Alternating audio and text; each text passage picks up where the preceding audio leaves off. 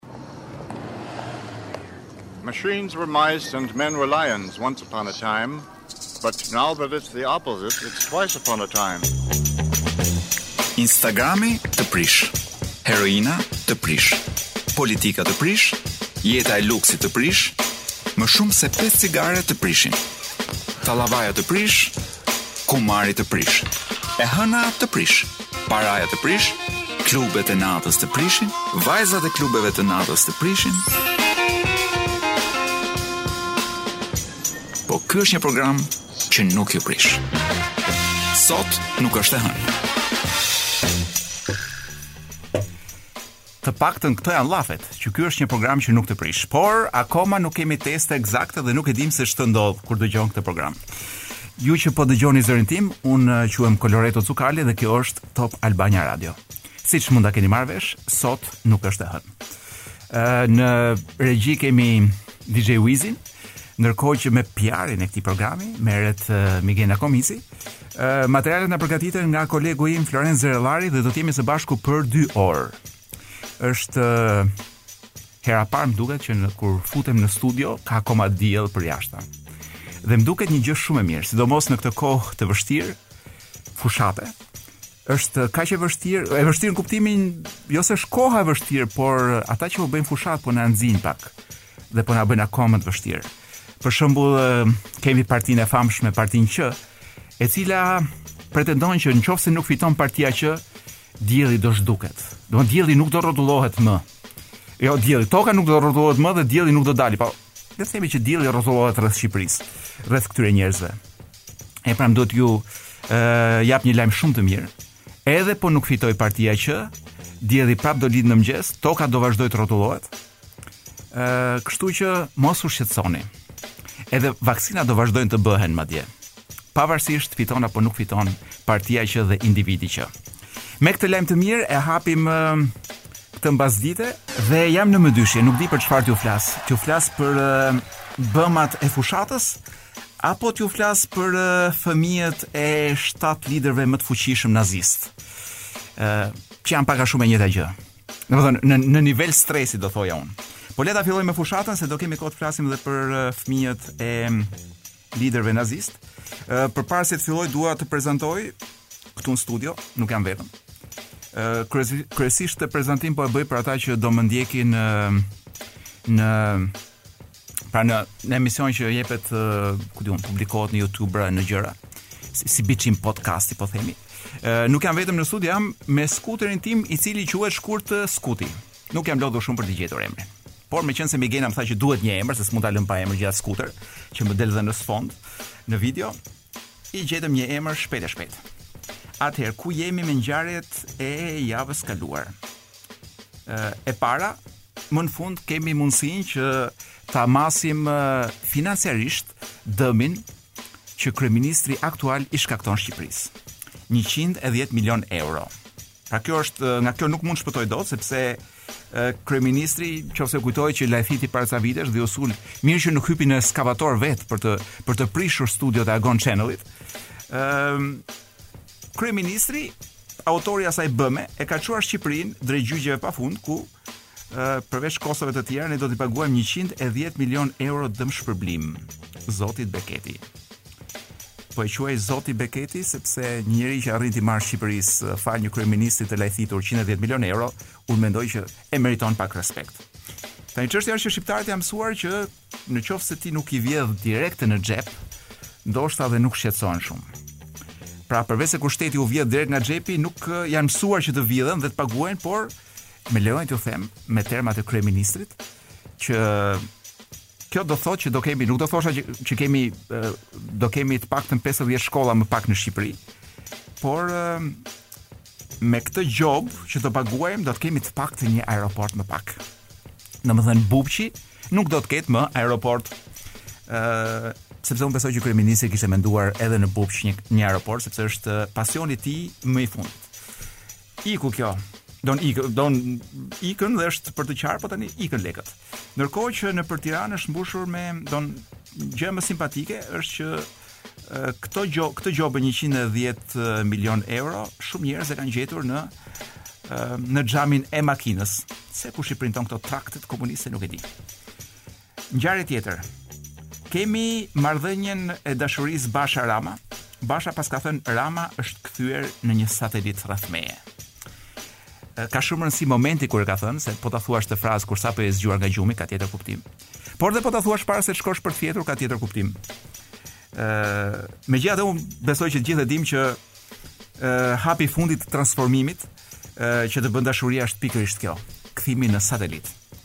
Kështu që unë besoj që kjo është një dashuri ë uh, Ndoshta jo jo dhe aq e vërtetë, është si biçim dashurie vipash që dashurohen me njëri-tjetrin vetëm për të bërë ca foto dhe për të rritur uh, audiencën dhe për të shitur albumin e radhës dhe pastaj ndahen mas 6 muajsh. Pra, nuk më duket një dashuri shumë serioze kjo e këtyre. Ë, uh, moment tjetër sinqeriteti i kryeministrit, paska pranuar që nuk kam program. kam plan veprimi.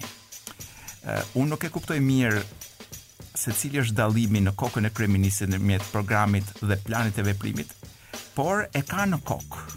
Kjo ka rëndësi. Do ky këto gjërat e rëndësishme që vlejnë për gjithë shqiptarët, uh, i ka të gjitha në kokë.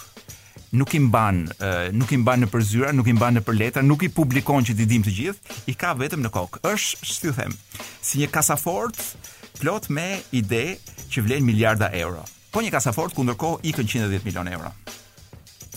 Është pikërisht si puna e atyre nxënësve që nuk mbajnë shënime në leksion, me idenë që i kam të gjitha në kokë. Është momenti për të ndarë me ju një çast krenarie. Një çast krenarie që unë Të më ndjeni për injorancën, e kam marrë vesh shumë vonë. Ka të bëjë me ngjitje në hënë. Pas edhe një shqiptar pas ka pasur dorë tek zbarkimi i parë në hënë. Në fakt, ne na duket si ngjitje në hënë ose mua më duket si ngjitje në hënë, por kam idenë që hëna duhet të ishte poshtë ndoshta në momentin që ata kanë zbritur si i bie. DJ Wiz, poshtë ka qenë.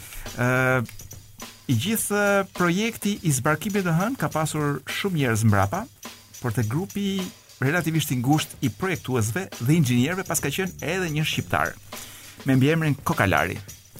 Pra, që nga mbiemri ti e kupton që nuk ka shans të jetë një racë tjetër përveç se racë shqiptare, Wilson Kokalari, i biri i një shqiptari të emigruar në Amerikë prej kohësh dhe siç po lexoj te kjo intervistë që ka dhënë te gazeta Iliria, Illyria, ë përpara pak vitesh, përpara 8-9 vitesh, ë emri i tij është në pllakën që është që është lënë në hënë. Pra te, te pllaka që këta kanë lënë në hënë, kanë lënë emrat e njerëzve, atyre që kanë shkelur dhe të, të atyre të një pjesë atyre që kanë bërë projektin dhe emri i Kokalarit është te kjo pllaka në hënë. Pra një emër shqiptari, Është aty për t'u lexuar nga alienët. Edhe pse po t'i besosh këtij të çmendurit, Cakos, a Çakos e ka emrin ai, jo vetëm që ne nuk kemi zbritur kurrë në hënë, por toka është e sheshtë. Pra, ne kemi një shqiptar që ka çuar njerëzit në hënë, po kemi edhe këtë çmendurin tjetër, i cili pretendon që toka është e sheshtë. Pra këto janë dy ekstremet e e shqiptarizmës. Dhe ku, ku njëri prej ekstremeve është gati gati i turpshëm, po më turp t'u vijë atyre që e lejojnë këtë zotrin që budallëqet e veta me konspiracione, siç është kjo puna e tokës së sheshtë, që është gjëja më idiote që mund të dëgjojë njeriu. Këtij t'i lënë hapësirën për ta për ta thënë publikisht në një nga televizionet më të mëdha kombëtare. Dhe pse ndodh kjo do thoni ju? Ë kush e ka fajin për këtë se jemi gati gjithmonë t'ia vëmë fajin gazetarëve, do t'u them mediave, në fakt fajtori jeni ju. Sepse ata e nxjerrin atë burrin aty, duke ditur që ju do të rrini do ta shikoni, do ta klikoni dhe do të prodhoni audiencë. Në qoftë se ju e injoroni atë burrin, këtë plakun e çmendur, të jeni sigurt që nuk do ta nxjerrë më njeri në ekran. Kështu që këto gjëra shkojnë bashkë. Një burrë i çmendur edhe një audiencë deri diku e apasionuar pas gjërave idiote dhe të çmendura. Mirë. Po kjo nuk e heq dot, nuk na heq dot krenarinë e një burri shqiptar që ka dërguar njerëzit e parë në hënë. Për më shumë do të mund të lexoni madje edhe faqen e kësaj gazete, do të mund ta lexoni në rrjetet tona sociale, pra të Top Albania Radios. Kënga titullohet She's Madonna dhe i referohet në fakt Madonës së vërtetë, jo kësaj Madonës që kemi pasur sa kohë që qarkullonte nëpër Shqipëri. por Madonës amerikane dhe është një këngë e Robbie Williams në bashkëpunim me Pet Shop Boys. Ë e gjithë kënga është e bazuar mbi një thashethem, ë të cilin ia thoshte Robbie Williamsit, ia thoshte e dashura e vet, e cila që quhej Tanya, e cila kishte qenë e dashura e Guy Ritchie, i cili pastaj u bë burri i Madonës. Pra në këtë varg thashethemesh, kjo Tanya në fjalë i tregon historinë e ndarjes me Guy Ritchien. Domethënë Guy Ritchie, ë, një regjisor shumë i njohur, është për shembull unë di një njeri këtu që ka shkulur qimet e kokës nga dashuria për të që është Gent Zenelaj. ë dhe është një nga personazhet më simpatik të të filmit anglez, britanik. ë Guy Ritchie u martua me Madonnën po pakkush e dinte që kish për të bërë këtë martesë dhe lidhje, i kishte dhënë i kishte vënë shkelmin një lidhje të mëpërpashme me këtë Tanyan e famshme. Dhe arsyeja që Guy Ritchie i kishte nxjerrë kësaj zonjës për ndarjen ishte kjo. Unë e dashur ose unë shpirto të dua shumë. Po çfarë t'i bëj? Ajo është Madonna. Domethënë, ky më duket justifikimi më gallat që mund të ketë dikush për të për të ndarë dikë. Si me thënë imagjino, ë uh, kush mund ndahet këtu? Do, është kjo është një gjë, uh, një fenomen që shqiptarët e njohin pak a shumë mirë. ë uh, sidomos këta burra të cilët uh, martohen, kanë fëmijë dhe në një moment të caktuar u bie një thes me para, që mund të jetë ku di unë, ose me punë, por në shumicën e rasteve në ca forma të çuditshme. Dhe menjëherë bëhen të pasur dhe kuptojnë që duke qenë të pasur mund të kenë mund të gëzojnë shoqërinë e ca vajzave ë çik më të bukura se gruaja që kishin ë, më parë. ë ndoshta një upgrade edhe në nga ana genetike në racën e tyre. Kështu që këta vendosin që të lënë gruan për një rast më të mirë që u jepet. ë ky është pak a shumë edhe rasti i Guy Ritchie-t. Pra e la njërën duke thënë që unë vazhdoj të të dua ty, po çfarë t'i bëj? Nuk i don kjo është Madonna, si mund t'i them jo Madonës? Imagjino për shembull, ku di unë, ë vajza që ndahen për, ku di un, për Erion Braçën. Për shembull një vajzë që lë një sportist, i thot, i dashur unë të dua shumë por ç'ti bëj. Nuk i them dot jo Erion Braçës. Domethënë mora Erion Braçën mund të kisha marrë dhe Taulant Ballën, ë.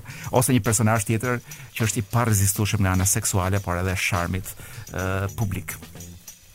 Kjo ishte gjithë historia e këngës që ju ndërkohë e dëgjuat pa pasur fare vëmendje dhe turp t'ju vijë. Unë ndërkohë kam nevojë të ndaj me ju një ngjarje për uh, vaksinën kineze dhe kjo është serioze. Është serioze sepse vaksina kineze tashmë është në gjakun e gjyshërve apo dhe prindërve tan, disa prej tyre. Kryesisht këta që e dinë se ku është sheshi Skënderbej, sepse me gjithë dëshirën e madhe të qeverisë për të për të vaksinuar 10 milionë shqiptarë brenda 2 muajve, un kam frikë që shumë nga këta shqiptarët, madje edhe nga këta që jetojnë shumë afër qendrës, por nuk kanë qenë kurrë në qendër, do kenë pak të vështirë të shkojnë për të bërë këtë vaksinën. Nejse le të flasim për këta që kanë bërë ndërkohë vaksinën kineze, të cilën mesa po kuptoj un, e kemi marr, e kemi futur me ngut, sigurisht për fushat. pa e procesuar mirë. Domethënë, pa kuptuar si duhet bërë, bë, nga kush duhet bërë, për shembull zoti Berisha nxori një denoncim nga një mjek që thoshte ishte mjeku dixhital i Pekinit sepse mjek dixhital ka në të gjithë cepat e botës dhe të gjithë i shkruajnë doktorit ton dixhital i cili thoshte që kjo vaksinë nuk u bëkërka në mosha mbi 59 vjeç. Nuk e di sa i saktë është si lajm, nuk mund ta verifikoj, kështu që po ju them që ta merrni me rezervë. Por dua të flas për një gjë që kryeministri e ka thënë me shumë guxim dhe seriozitet në nisje të procesit të vaksinimit të oficerëve të policisë së shtetit, e paska përmendur, siç thon mediat, kryeministri, e paska e paska përmendur vaksinën kineze dhe paska cituar një artikull të gazetës New York Times duke thënë që është një nga vaksinat më efikase. ë E vërteta është që ky ky informacion i kryeministrit është i gabuar. Artikulli siç mund provohet nga shumë burime verifikimi lajmesh, artikulli nuk thotë këtë gjë. Pra artikulli i New York Timesit nuk e verifikon dhe nuk i jep okein vaksinës kineze. Madje edhe Deutsche Welle sepse ekziston një qarkullon një lajm që edhe Deutsche Welle mbështetka vaksinën kineze, nuk është e vërtetë as kjo. Ëh, problemi është përveç faktit që kryeministri mbron një vaksinë që është deri tani nuk kemi marrë një verifikim as nga amerikanët dhe as nga europianët. Ëh, fakti që kryeministri e mbështet me informacione të rreme më shqetëson shumë. jo për faktin që po gënjen shqiptarët, sepse tashmë jemi mësuar dhe me këtë sport, por për faktin që kryeministri jam jam shumë kurioz të di nga i merr vesh kryeministri informacionet. Pra ku pi ujë gamilja informative e kryeministrit. Si me thënë, ku e kullot kryeministri gomarin e vet informativ, domethënë atë që i sjell informacionin, mushkën që i sjell drutë e informacionit. Dhe fakti që kryeministri informohet me lajme të rreme, është shumë shqetësues. A ka një njeri aty afër që t'i japë një ujë të pastër atij gomari? ë dhe mos ta keqinformojnë kryeministrin? Kjo është një pyetje retorike. Atëherë çfarë kemi? Kemi ë për të ndarë me ju. Ah, desha t'ju thosha që kemi kaluar ë, me shumë sukses një prillin. ë meqenëse ne gënjemi në mënyrë të vazhdueshme dhe sistematike, nuk patëm shumë ë, nerva për të për të bërë diçka të bukur. Pra për të dhuruar diçka të bukur me një prill. Ë uh, un për pak uh, më pushoi zemra mua, uh, sepse hapa emailin dhe më kishte ardhur një lajm që thoshte qeveria Kurti, gjykata kushtetuese e hedh poshtë, do të ketë një qeveri Hoti dy se ç'ishte diçka dhe un thashë, domethënë pata një kështu një shtrëngim në zemër. Kur mora vesh ishte një gallatë si për një prill. ë uh, aspak uh, e shëndetshme do thoja un. Dhe në këtë kuadrin e gallatave të një prillit, shoh që rasti më dramatik i ndodhur në këtë një prill, nga këta që lexova unë të paktën, është ai i një trajneri rumun, të cilit i kishin bërë një shaka jo dhe aq simpatike. Ë këtij trajnerit i kishin thënë që jo trajnerit, po kishin nxjerrë një lajm ë skuadra e vet që trajneri është pushuar nga puna dhe ishte gjithashtu një shaka për një prill, Ky zotëria kaq i acaruar ë vendosi që ta lërë vërtetë punën. Domethënë, a tha, ju doni të bëni këtë lloj humori me mua? Na pra, të kam ashtu mu në mu në punë dhe mu në skuadër. Unë dyshoj që ishte një skuadër shumë e suksesshme e tipit të Laçit. Dyshoj unë domethënë. Ë kemi kemi kohë më për të vrarë? Do të vrasim kohë prap. Mirë, ë sepse kemi të gjitha të llogaritura jemi si një sahat gjerman këtu në studio. Meqenëse kemi kohë për të vrarë, dua të ndaj me ju një gjë tjetër që ka të bëjë me vaksinën e thamë, Berishën e thamë po. Kemi një tjetër gjë që është nga këto ë shakarat me kripë të Duçes, kryeministrit i cili në një takim me me një grup me një pronar të fasonerisë edhe me ca punëtorë të fasonerisë kur ka marrë vesh që ky pronar i fasonerisë po porosit punëtorë në Bangla në Bangladesh i ka futur batutën sa të mësojnë shqip ndërroji ë kjo batuta në fakt ë që më duket një diçka shumë pa shije ë në të vërtetë shpreh atë që kryeministri mban poshtë në zorrën e tij qorre Për punëtorët shqiptarë. Thell thell, kryeministri i urren punëtorët shqiptarë. Pavarësisht se shprehet sikur është dashnor i madh i punës. Në një nuk më harrohet që në një emision italian ku ishte ftuar, kryeministri hodhi frazën me seriozitetin më të madh, edhe me sinqeritetin më të madh. Hodhi frazën që në Shqipëri nuk kemi sindikata. Dhe la të kuptojë ë që kushdo investitor italian mund të vijë në Shqipëri dhe mund të përdorë punëtorët shqiptarë si skllevër, gjë që ndodh kur ti nuk ke sindikata. ë dhe e, e, e lëshoi këtë propozim në një nga kanalet më të mira, më të mëdha italiane, në një nga emisionet më të ndjekura italiane, si pa gjë të keqe. Pra me një krenari shumë të madhe që këtu nuk ka sindikata dhe këta njerëz mund t'i shkelësh me këmbë po të duash.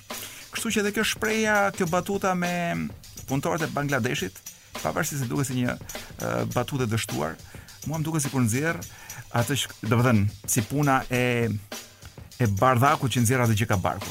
Pra, CV-s së ngjeshur të Ramës, artist, sportist, ekonomist, ku di unë çfarë është tjetër, ky doktor, humorist, urbanist, specialist turizmi etj, i shtohet tashmë edhe një Profesion tjetër tregtar skllevërish, kështu pra. Unë tani do t'ju lexoj tekstin sepse kam kuptuar që një pjesë e mirë e shqiptarëve të sotëm nuk dinë italisht dhe humbasin shumë nga kultura italiane dhe sidomos nga kjo këngë, kështu që nëse duhet t'ju flas për tekstet e këngëve, unë jam i detyruar t'jua përkthej me atë timen në shqip. Do, do mundohem ta përkthej sa më mirë që të jetë e mundur. Atëherë kënga që dëgjuam ka pak a shumë këtë tekst.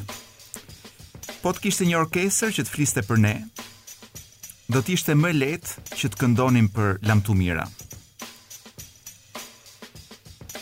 Që të bëhesh i rritur për adult, do duhej të ishte një rritje, një crescendo, violinash dhe hallesh. Daullet lajmërojnë për stuhi, por mjeshtri ka ikur. Vër pak muzikë të lehtë, sepse kam dëshirë për asgjë. Madje të lehtë, të lehtë fare. Me fjalë pa mister. Alegre, alegre, por jo shumë. Vër pak muzikë të lehtë. Në heshtjen shurdhuse. Që të mos biem në vrimën e zezë, e cila është vetëm një hap larg nesh. Pak a shumë. Nëse do të mjaftonte një koncert për të bërë një lule që të që të mbijë mes pallateve të shkatërruara nga bombat armike në emër të një zoti i cili nuk del kurrë jashtë kur ka kur ka uh, stuhi. Mjeshtri tashmë ka ikur. Vër pak muzikë të lehtë, sepse kam dëshirë për asgjë. Madje ma vërë të lehtë, të lehtë fare. Nga ato me fjalë pas një lloj misteri. Alegre, por jo shumë. Vër pak muzikë të lehtë në heshtjen shurdhuese, që të mos biem në këtë vrimë të zezë, e cila është vetëm një hap larg nesh, larg nesh. mbetet gjithmonë në sfond brenda supermerkatove. E këndojnë ushtarët, fëmijët e alkoolizuar, priftërinjtë progresistë.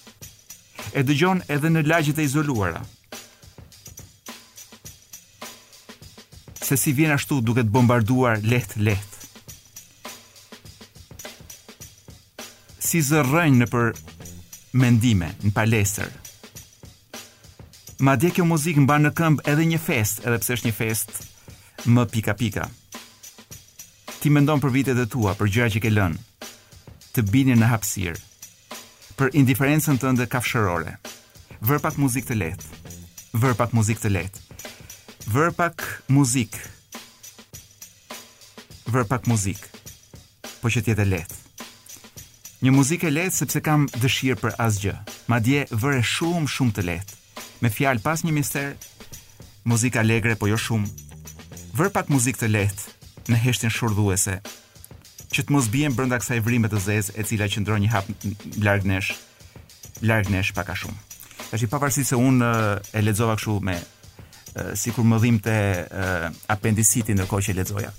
Pra nuk isha në maksimumin tim prej prej lexuesi poezish, por teksti i kësaj kënge i shoqëruar me atë muzikën që është vërtet një muzikë e lehtë, është një tekst që më bën gjithmonë sa herë e dëgjoj, gjej një fjalë aty që ë uh, ose një frazë e cila më habit.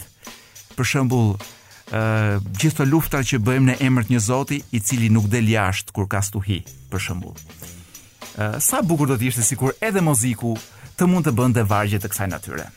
Por ja që nuk i bën dot sepse muzika e muzikut nuk është kaq e lehtë është eh, çike e rëndë, sikur po dëgjojmë një gur nga kati i tretë. Unë eh, mund t'ju flisja në fakt për eh, faktin se si penisi i meshkujve po shkurtohet, por mbas kësaj kënge ndoshta nuk do ishte ë uh, paktën mendoj unë. Nuk do ishte tema e duhur. Do nuk do doja që mbas këngës të flasim për gjëra kaq parëndësishme si puna e gjatësisë së penisit. Por më lejoni t'ju them që ë uh, pavarësisht tendencës për të zgjedhur lidera të gjatë, uh, trendi i penisëve po shkon drejt shkurtimit. Dhe gjitha kjo do t'ja them pse po vjen, do të pse po na vjen gjitha kjo dram, do t'ja them pak më vonë. Tani duhet të flas për një gjë shumë të rëndësishme. Të rëndësishme. Asgjë nuk ka të rëndësishme derisa të japësh vetë rëndësi. Kjo ka të bëjë me ë atë gjë që mund ta quanim feminiteti toksik. Meqenëse jetojmë në kohën e mitus, ku mituja është denoncimi i çdo burri dhe çdo mashkull që abuzon. Mituja ka arritur deri që të të zbuloj edhe gjëra që kanë ndodhur, po themi para i kujtohet një zonje që para 50 vjetësh ka qenë njëri që kur ishin në një parti se si se ç'i tha një dy llafe që zonja kishte thënë se ç'tentoi ta puthte me zor e të tjera të tjera. Pra mituja ka shkuar deri në ekstrem do thoja unë. Prandaj edhe janë një grup artistesh franceze më duket që kanë dalë kundër mitus. Me idenë që kjo mituja po shkon deri në pikën që ta uh, t'i zhburrëroj burrat, pra t'u heqë atë gjën që i bën burrat burra dhe meshkujt meshkujt. Ë uh, un jam shumë në favor të mitus. Madje këtu në radio nuk po më japin mundësinë, meqenëse radio jam gjithmonë vetëm, po po vdes që denoncoj një abuzim. Domethënë abuzim seksual. Nga DJ Wizi na ndajnë jo vetëm xham, po xhami është një ja ku di unë, dy pëllëmbë i trash. Uh, edhe pse kam vënë re, kur hy në studio që DJ Wizi e mban shumë lart temperaturën e studios. Dyshoj që po tenton të më zhvesh me stil. Pra e ka bërë domethënë vjen një mas një 15 minutash program, uh, unë ndjej djersë të ngrohta dhe të ftohta dhe kam një tendencë për të hequr. Prandaj vi veshur me golf në studio që ta kem më të vështirë të zhvishem. Por Po më provokojnë. Tani të kthehemi tek mituja, unë jam shumë në favor të mitus dhe sidomos në këtë botë të mbizotëruar nga meshkujt, të cilët le ta themi mes nesh kanë krijuar edhe një ë të quaj një udhëheqje elitare, pra në gjitha fushat në përgjithësi në krye janë meshkujt. Ë edhe kur zgjedhin gra përgjithsisht të paktën në këtë vend si Shqipëria i zgjedhin që t'i kenë nën hyqëm, po kudo që të shkosh meshkujt janë gjithmonë në supremaci dhe mund duket sikur kanë kanë bërë një ligë speciale me njëri tjetrin, pra kanë krijuar një marrëdhënie që këtë botë do ta sundojmë ne, domethënë. Fusin tek tuk ndonjë femër, ë si puna e ku di un e nën Terezës apo nuk hyn nën Tereza këtu, më duket se s'hyn.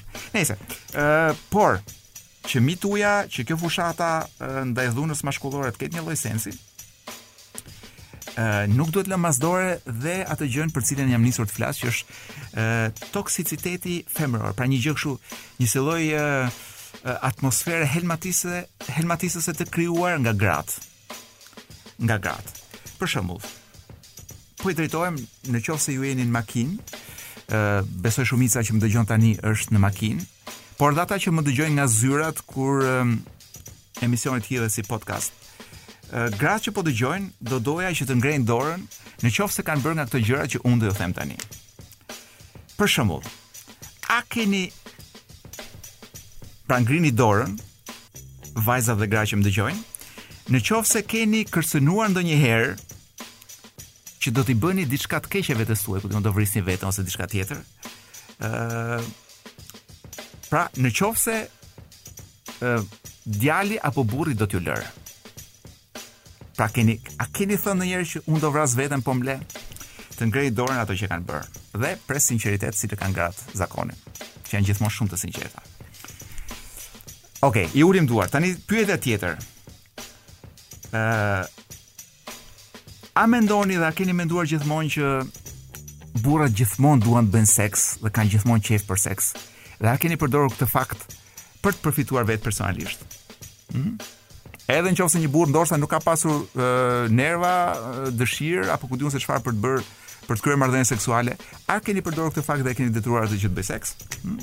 Ngritje duarsh. Tani, pyetja tjetër. A keni thënë ndonjëherë që më duket Se kam ngelur shtatzënë dhe nuk po më vijnë ato. Duke qenë shumë të sigurta që nuk është e vërtetë. Dhe a e keni bërë këtë për të provokuar djalin ose burrin me të cilin keni qenë të lidhur apo jeni të lidhura, thjesht për të parë se si do reagojë ai ndaj këtij fakti? Dhe a ju duket që edhe kjo është një lloj dhune psikologjike këtë radhë ndaj burrave? Këto janë dy pyetje të ndara, por të ngrejë dorën kush e ka bërë këtë gjë? Ja ngrita unë i pari dorën.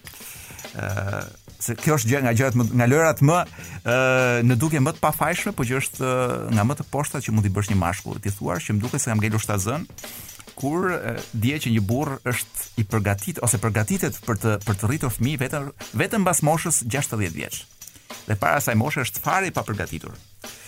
Pra të gjitha këto gjëra dhe gjëra shumë të tjera ë se nuk po flas tani për rastet kur gratë manipulojnë me fëmijën ë se do të çoj në divorc dhe nuk do shohësh fëmijën kurrë etj etj. Pra nuk po hym shumë në të thella. Po të gjitha këto fakte dhe unë shpresoj që të ketë pasur dhe gra të të, të sinqerta që po më dëgjojnë dhe kanë ngritur dorën. Të gjitha këto krijojnë një lloj toksiciteti, një lloj helmatisie, po që këtë radhë vjen nga ana femrore. Kështu që burrat bëjnë ato që bëjnë, por unë mendoj që gratë vet duhet të fillojnë që të merren pak me këto gjërat e grave. Dhe kur them gjërat e grave, nuk e kam fjalën për ato gjërat e përmuajshme. E kam fjalën me këto gjërat toksike me të cilat gratë helmatisin shumë marrëdhënie. Kështu që ne do punojmë me gjërat tona dhe me problemet tona, po mirë që edhe ju të punoni me gjërat tua, sepse siç ka thënë një filozof i madh, emri i tij është DJ Wiz. Po e ka thënë ama këtë gjë. Në një shoqëri të e, lirë, secili pavarësisht gjinisë, ë është i lirë Pra duhet të jetë i lirë që të mos manipulohet. Dhe mbi të gjitha, të mos trajtohet në mënyrë manipulative nga njerëz që kanë tendenca destruktive, dhe që mund të jetë edhe narcisist për veten e tyre. Dhe këta mund të jenë si gra, si burra. Po dëgjoni, sot nuk është e hënë në Top Albania Radio. Ë, kjo muzika, kjo introja mbajeni në mend sepse nuk do t'ju lëm pa dëgjuar deri në fund, por fillimisht desha t'ju qaj një hall shumë të madh. Hall, domethënë, ë, A mund të quhet hall fakti që penisi të gjithë neve është më i vogël se ç'duhet ishte? Kjo është pyetja. Dhe hall i kujt është ky? Është hall i meshkujve apo është hall i femrave? Kjo është një pyetje tjetër. Pyetje të cilave unë nuk di t'i përgjigjem, por ë uh, Yuval Noah Harari, shkrimtari që un kam të ftuar në studio, jo fizikisht, po me anë të librit të tij, uh, i ka dhënë i ka dhënë përgjigjet e veta.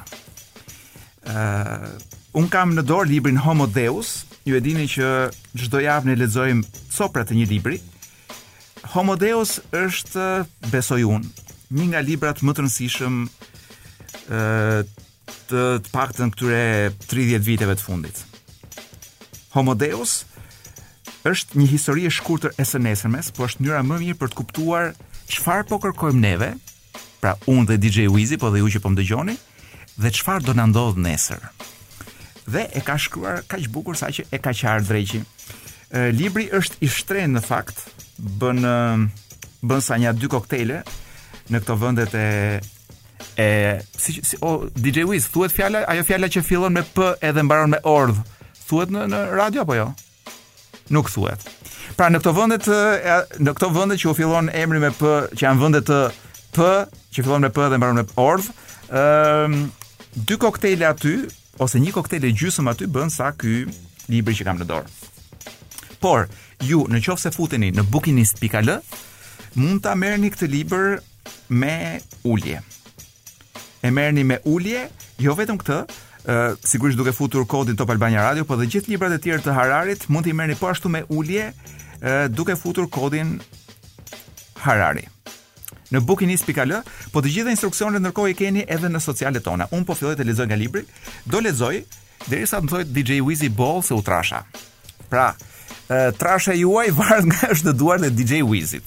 Sa të mbaj ai, do jeni detyruar të mbani edhe ju. Un po shfletoja më akoma tek fillimi i librit, në fakt, po më pëlqen mënyra se si ky ka shtruar disa probleme. Javën që kaloi folëm për problemin e pavdekësisë, që me sa duket është e mundur ose do jetë shumë shpejt e mundur. Ë problemi tjetër është problemi i lumturisë. Që i përgjigjet, që i përgjigjet, domthonjë që tenton të përgjigjet asaj pyetjes që un bëj gjithmonë, a jeni të lumtur? Ë uh, po citoj pjesë nga libri, gjithmonë lidhje me lumturinë. Ë uh, Nëse uria sëmundjet epidemike dhe lufta po zhduken, nëse njerëzimi po përjeton paqe dhe bollëk të pamatë, dhe nëse jetëgjatësia e tij po rritet në mënyrë dramatike. Sigurisht që të gjitha këto do ta bëjnë njeriun të lumtur. Ups, apo jo. Ë uh, Epikuri ka thënë dhe e citon Harari në libër, ai e përcaktoi lumturinë si një të mirë supreme. Ai paralajmëroi dishepujt e tij se është punë e vështirë të jesh i lumtur. Është punë e vështirë të jesh i lumtur. Ë uh, dhe ky diçka dinte sigurisht. Dhe shkruan autori Në Peru, Guatemala, Filipine dhe në Shqipëri, Vende që janë në zhvillim dhe që vuajnë nga varfëria dhe mungesa e stabilitetit politik, rreth një në njëqind mijë njerëz kryejnë vetëvrasje çdo vit. Ndërkohë që në vendet e pasura dhe të paqta si Zvicra, Franca, Japonia apo Zelanda e Re, 25 persona nga 100.000 vrasin veten çdo vit. Pra, siç thot autori, ë uh, është një tregues ogurzi ë uh, shkalla e vetvrasjeve në botën e zhvilluar. Pra është një mënyrë për të kuptuar a jemi të lumtur. Sa veta vrasin veten. Kështu, ë uh, pastaj më tej thot, në epokën e gurit një njeri mesatar kishte në dispozicion rreth 4000 kalori energjie në ditë. Kjo sasi nuk përfshinte vetëm ushqimin, por gjithashtu edhe energjinë e investuar në përgatitjen e mjeteve, veshjeve, veshjeve, artit, pra vizatimeve në shpellë, zjarrit, seksit pranë zjarrit. Pra gjitha këto për gjitha këto një një njeri i epokës së gurit harxhonte 4000 kalori në ditë energji. Kurse sot një amerikan përdor ose harxhon 228.000 kalori në ditë. Për të ushqyer jo vetëm stomakun e vet, por gjithashtu makinën, kompjuterat, frigoriferët dhe televizorët. Një amerikan mesatar në këtë mënyrë përdor 60 herë më shumë energji se sa një gjuetar mbledhës i epokës së gurit. Dhe pyetja është, a është amerikani mesatar 60 herë më i lumtur se ai njeriu i epokës së gurit? Ka shumë mundësi që jo. Edhe nëse kemi arritur të tejkalojmë shumë prej mjerimeve të së shkuarës, arritja e një lumturie pozitive mund të jetë shumë herë më e vështirë se sa shfarosja e drejtpërdrejtë e vuajtjeve. Mjaftonte vetëm një copë bukë për të gëzuar një mesjetar të uritur. Po si mund ta gëzosh një inxhinier të mërzitur, të mbipaguar dhe mbipeshë? Pjesa e dytë e shekullit XX ishte një epokë e artë për Shtetet e Bashkuara të Amerikës. Fitore në Luftën e Dytë Botërore, e pasuar nga një fitore edhe më vendimtare e Luftës së Ftohtë, u kthyen në një super superfuqi udhëheqëse botërore. Mes viteve 1950 dhe 2000, prodhimi i brendshëm bruto i SHBA-s u rrit nga 2 miliardë dollarë në 12 miliardë. Kapitali për frymë u dyfishua, medikamentet kontraceptive të reja të saposhpikura e bënë seksin më të lirë se kurrë. Gratë, homoseksualët, afroamerikanët dhe minoritetet e tjera morën më në fund një copë më të madhe nga torta amerikane. Një lumë makinash të lira, frigoriferësh, kondicionerësh, fshesash me korrent, pjatalarësesh, rrobalarësesh, telefonash, televizorësh, kompjuterash, ndryshuan jetën e përditshme përtej çdo imagjinate. Megjithatë, studimet kanë treguar se niveli i mirëqenies subjektive të amerikanëve në vitin një mijë e nëntëqind e nëntëdhjetë qëndronte pothuajse në të njëjtin nivel që ishte edhe në vitin një mijë e nëntëqind e pesëdhjetë. Ë me shifra ky argumenton që njëta gjë ndodh edhe në vende të tjera dhe thotë më pas duket se lumturia jonë për, përplaset me një tavan misterioz prej xhami që nuk e lejon atë të rritet përpos arritjeve tona të pamata. Edhe nëse sigurojmë ushqim falas për çdo njeri, këtu mund të shtoja unë edhe sikur sigurojmë seks falas për çdo njeri, i kurojmë të, edhe nëse i kurojmë të gjithë sëmundjet dhe sigurojmë paqen në botë, jo detyrimisht do ta thyenim këtë tavan të xhamtë. Arritja e lumturisë së vërtetë nuk ka për të qenë më e lehtë se sa tejkalimi i pleqërisë dhe i vdekjes. Kaq. Të tjera thotë DJ Luizi, blini librin në bukinist.al e merrni edhe me ulje, edhe mund t'i lexoni aty. Një libër i jashtëzakonshëm. Kemi mbërritur te ky momenti kur flasim për gjëra të së shkuarës, por ë uh, që janë të detyrueshme për t'i menduar dhe gjykuar për të kuptuar të sotmen. Dhe çfarë kemi këtu? Kam listën e fëmijëve të oficerëve të lartë nazistë. është një artikull i gjatë që tregon ku dhe si kanë përfunduar fëmijët e shtatë uh, liderëve më të fuqishëm nazistë. Dhe gjëja më e bukur, çfarë qëndrimi kanë mbajtur këta për prindërit e tyre. ë uh, dhe më vjen shumë gati gati më erdhi si habi kur pashë që shumica prej tyre jo vetëm i mbronin prindërit nazistë ë uh, deri në fund, por dhe nuk besonin që ata kishin bërë krime. E filloj me të bijën, do, do flas shumë shkurt pa u ndalur në detaje. Do doja shumë të flisja për fëmijët e Hitlerit, po Hitleri ë për fatin e mirë të njerëzimit nuk la fëmijë. Për shembull është kjo Gudruni, vajza e Himmlerit, shefit të SS-ve, njeriu i cili është ndoshta përgjegjësi direkt për për holokaustin. Holokausti janë 6 milion çifutë të zhdukur në furrat e gazit. Pra ky njeriu kishte edhe këtë vajzën të cilën e përkëdhelte dhe e donte shumë. Dhe e bija Jo vetëm që e këtë e quanin princesha naziste, jo vetëm që qëndroi besnike të atit për gjithë jetën, por e, e lartësonte gjithënjë, ku, kudo ku mundej kujtimin e tij. Madje edhe kur u martua, u, mart, u martua me një anëtar të një partie neonaziste ekstremiste. Madje kjo bëri dhe një organizatë, një shoqatë ku thuhet, me të cilën ndihmonte oficerët nazistë. Për shembull thotë, këtu thuhet që me këtë shoqatën paska ndihmuar njëfarë tipi oficer nazist i cili njihej si kasapi i Lionit, pra që nga emri ti e kupton se çfarë ka bërë ky. E ka ndihmuar që të fshihej në Amerikën e Jugut ose ka ndihmuar një nazist tjetër sadist, oficer SS, i cili quhej ë uh, si quhet ai uh, vrasësi jo vrasësi ka një titull tjetër por nuk po arrij ta përkthej dot mirë i Buchenwaldit tjetër vajza e Geringut gjithashtu um, quhej Eda sa shumë Eda që ka Shqipëria çuditërisht uh, kjo nuk e besoi kurrë që i ati ishte fajtor dhe e mbështeti atë derisa vdiq në 2018 dhe të mendosh që ky i ati e kishte përkëdhelur kaq shumë këtë dhe i blinte lodra luksoze të tipit, për shembull donte kjo një gjë dhe ky për shembull donte kjo të shihte pallatin e Frederikut të Madh, i ati i blinte një lodër që ishte me përmasa 100 metra. ë pra një model imitim i pallatit të Frederikut të Madh, ku di unë, 50 apo 100 metra të gjatë. Pra nga këto lloj ë përkëdhelish në vitin 1935. Edhe kjo duke e mbrojtur dhe ngritur lart të jatin. Shkojmë te kasapi i Polonisë. Niklas Frank. Hans Frank, fal, Ëh, edhe avokati i Hitlerit ndër të tjera. Pra që kur dëgjon titullin kasapi i Polonisë ti e mendon ç'ka bërë me qindra mijëra polakë, hebrenj ose jo. Ëh, kriminel lufte e varën mbas gjyqit të Nurembergut në 46-ën. Tashi ky i biri është një rast përjashtimi. Sepse I biri është një rast përjashtimi sepse e mbante fotografinë e të jatit të varur me vete dhe tregonte gjithkund. Dhe thoshte, e mbaj për të kuptuar se sa të këqij mund të jenë njerëzit. Dhe sigurisht është nga të paktët nga fëmijët e tyre, i cili e mohoi të jatin. Pra nga gjithë këto 10 fëmijët e këtyre nazistëve, sepse njëri nga këta ka bërë një 7-8, një tjetër kishte bërë një 10-12, një tjetër 6, Shumë pak prej tyre, vetëm tre-katër, i mohuan prindërit.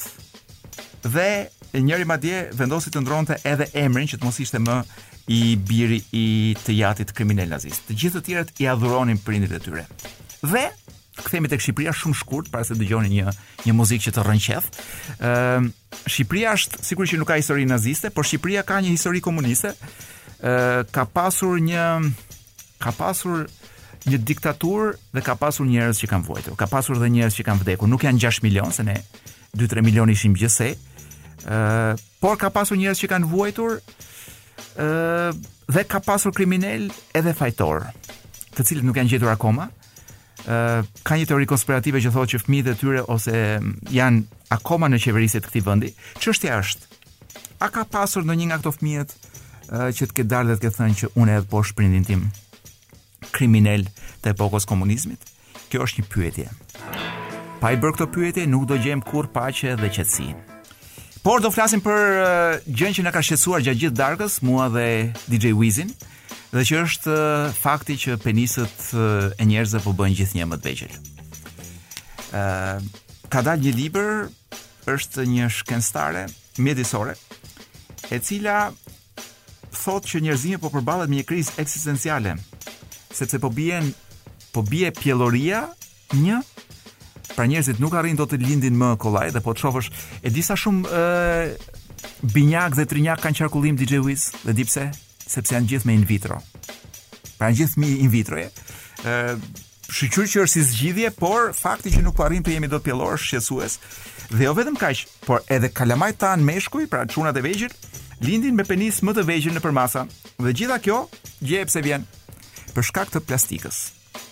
Domethënë ne kemi ë përdor prej dhjetra vitesh, prej shumë dekadash plastik në mënyrë të vazhdueshme dhe të papërgjegjshme. Dhe ftalatet, që qenka një gjë, një kimikat i përdorur për prodhimin e plastikës, është është shkaktari kryesor i kësaj gjëme që thoni ju. Dhe të mendosh që plastika tashmë gjendet kudo. Gjendet edhe tek krapi që ham. dhe brenda trupit tonë kush e di se sa plastik kemi dhe nuk e dimë. Po kush do shkojë t'ia shpjegojë Benit, shitësit të fruta perimeve, i cili ka zakonin që të për shembull ti blen një kokërr mollë, një kokërr dardhë, një kokërr ku di unë, një vile rrush dhe për secilën prej tyre ai tenton të të japi nga një qese më vete. Dhe mirë që Beni e bën këtë punë. Po janë ca zonja gra që duken në moshë të mjaftueshme për të kuptuar si funksionon bota dhe çfarë hallesh ka bota dhe në gjendje të mjaftueshme për të e, pra fizike do thoja unë që t'i mbanin të gjitha në një qese, jo. I duan një banane, një qese. Pra, dhe kur i shef që shkojnë në shtëpi me 20 qese dhe thua, ku do shkojnë ato 20 qese? Më pas, të gjitha tek ë uh, merluci që do hani ju nesër. Kaq di t'ju them. Dhe dhe mirë që po hani merluc me me plastik, por po na shkurtoni edhe penisët. Turp t'ju vijë të gjithë juve të qeseve. Jan, unë DJ Wizi nuk kemi ç, domthon, DJ Wiz, ke, kur i ke bërë matjet e fundit në shkollë? Të mes në me, në të mesme se ne i bënim që në fillore. Kemi qenë, po se s'kishim ç'të lozim ne kur ishim fillore dhe lozim kështu me matje me matje organesh. Nëse Me energji do e mbyllim. Domethënë, pavarësisht penisëve shkurtuar, energjia shkon në rritje. është e vjetër, po është shumë e mirë siç ka qenë që para 20 vitesh, a kur ka dalë kjo këngë. Këta Muse. Dhe do ta mbyllim sot dhe do ta hapim javën që vjen me këtë këngë. Plug In Baby në Top Albania Radio. Plug In Baby në Top Albania Radio.